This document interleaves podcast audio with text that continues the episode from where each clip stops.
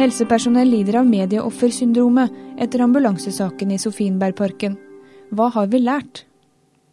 Velkommen til tidsskriftets podkast for nummer 17 2010. Helsepersonellet som var involvert i den såkalte ambulansesaken i Sofienbergparken, har fått betydelige psykiske reaksjoner, med yrkesskader og langvarige sykemeldinger.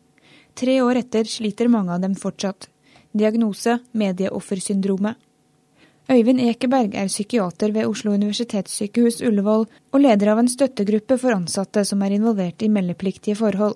Han kjenner den såkalte ambulansesaken godt, og har skrevet en kronikk om saken i tidsskriftet. Han er ikke i tvil om at opplevelsen har vært tøff for alle parter. Det var da en pasient som hadde fått en eh, veldig alvorlig eh, hodeskade. Eh, og eh, han var der sammen med eh, familie og venner. Eh, det var andre til stede, slik at eh, det ble en veldig skremmende situasjon for dem. Dels med hodeskaden, og dels at ambulansen reiste. Slik at dette har vært en stor påkjenning for, den, eh, for pasienten og for hans familie. Ambulansepersonellet de gjorde sånn sett en, et par ting som ikke var bra. Det viktigste, også det som gjorde at det ble en sak i media, var at de brukte et språk. altså skal ikke kalle pasienter eller ikke andre mennesker for, eh, for, for ditt eh, svin. De eh, så ikke at han hadde en hodeskade. Det var nok ganske vanskelig å se på det tidspunktet, men det er en medisinsk feilvurdering. Og så tar det ene det andre ved at rasismepåstandene kommer frem. De blir gjentatt, de blir forsterket, dels i repeterende reportasjer i media, dels ved etter hvert at regjeringsmedlemmer stortingspersonell og også etter hvert det amerikanske utenriksdepartementet klassifiserer dette som rasisme. Og så glemmer man nesten å beskrive hendelsesforløpet, de faktiske forhold, og skille stort og smått der sånn.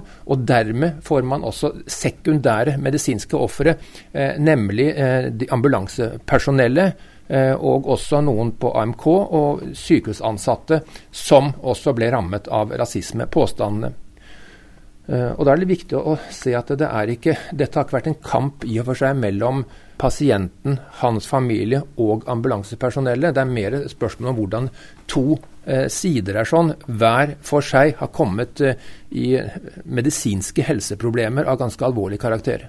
Det å bli eksponert i mediene på denne måten kan føre til, og det førte i dette tilfellet til, en tilstand som kalles medieoffersyndromet, som er en form for posttraumatisk stresslidelse.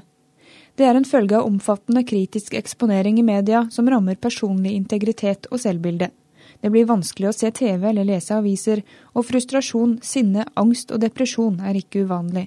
Enkelte ble også stoppet og, og nesten si antastet eh, på Eh, i, i butikker osv. Så videre. Eh, sånn det, det ble en, et, et, offentlig massehysteri eh, rundt dette, hvor rasismepåstanden var, var, veldig, veldig sterk. Slik at nå, mer enn tre år etterpå, så, så er det altså personer som ennå ikke er i stand til å, å gjenoppta sitt tidligere eh, arbeid. Eh, I tillegg så er det også risiko for at man kan ta livet sitt, og det vet alle som følger med i pressen, at folk som har vært eksponert eh, veldig negativt i mediesammenheng, de har også tatt livet sitt, og i denne sammenheng var det også risiko for det. Ekeberg er psykiater for den ene ambulansesjåføren, og sier at Ullevåls håndtering av saken, som arbeidsgiver, har vært sterkt medvirkende til å forsterke og forlenge mannens helseproblemer. Vi var for passive eh, i akuttfasen fordi vi ventet på eventuelle henvendelser. Nå fant hendelsen sted i ferien, jeg var borte akkurat da. Eh, men eh, ser i etterkant at vi burde vært mer oppsøkende i forhold til de rammede.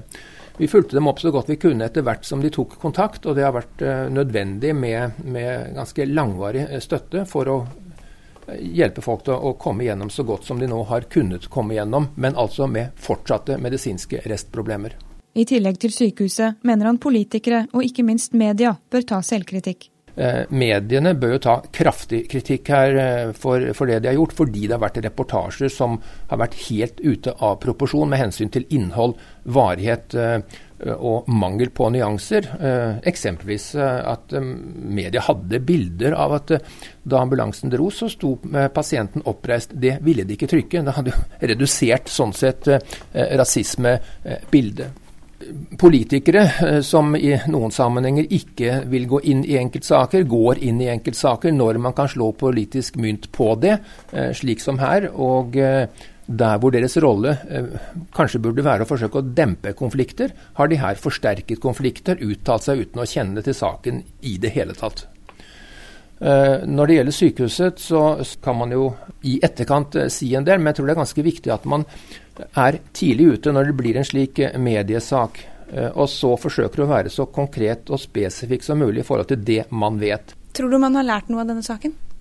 Det er i hvert fall muligheter for å, å lære noe eh, av den. og altså det, det, ene er å forsøke så godt som mulig å holde seg til fakta og forsøke å vente med å uttale seg til man har de faktiske forhold på, på bordet. Det er krevende å, være ansatt i helsevesenet fordi man møter mennesker som har eh, atferd som i utgangspunktet kan være uakseptabel. Og det Eh, skal man lære seg å tåle, men samtidig må vi ha et rom for at det går an å gjøre feil. Eh, og det skal være støtte og tilgivelse, læring i forhold til at man gjør feil. Ekeberg mener vanlige rettsprinsipper bør gjelde i slike saker. Begge parter bør få uttale seg og forsvare seg. Ambulansepersonellet er i ettertid frikjent for rasisme og krenkende oppførsel, og I forhold til den medisinske vurderingen er det lett å være etterpåklok. Hvis man skulle forvente at ambulansepersonellet skulle ha forstått eh, at det var en hodeskade i løpet av de syv minutter de var i parken, så er det merkelig at man ikke skulle forstått det på legevakten i løpet av mer enn én en time. Så det er en vanskelig diagnose, og det er veldig mye enklere å være etterpåklok når man har sånn sett fasit på bordet. Du kan lese hele kronikken til Øyvind Ekeberg i tidsskriftet nummer 17. Jeg heter Eline Feiring, og neste podkast kommer torsdag 23.9.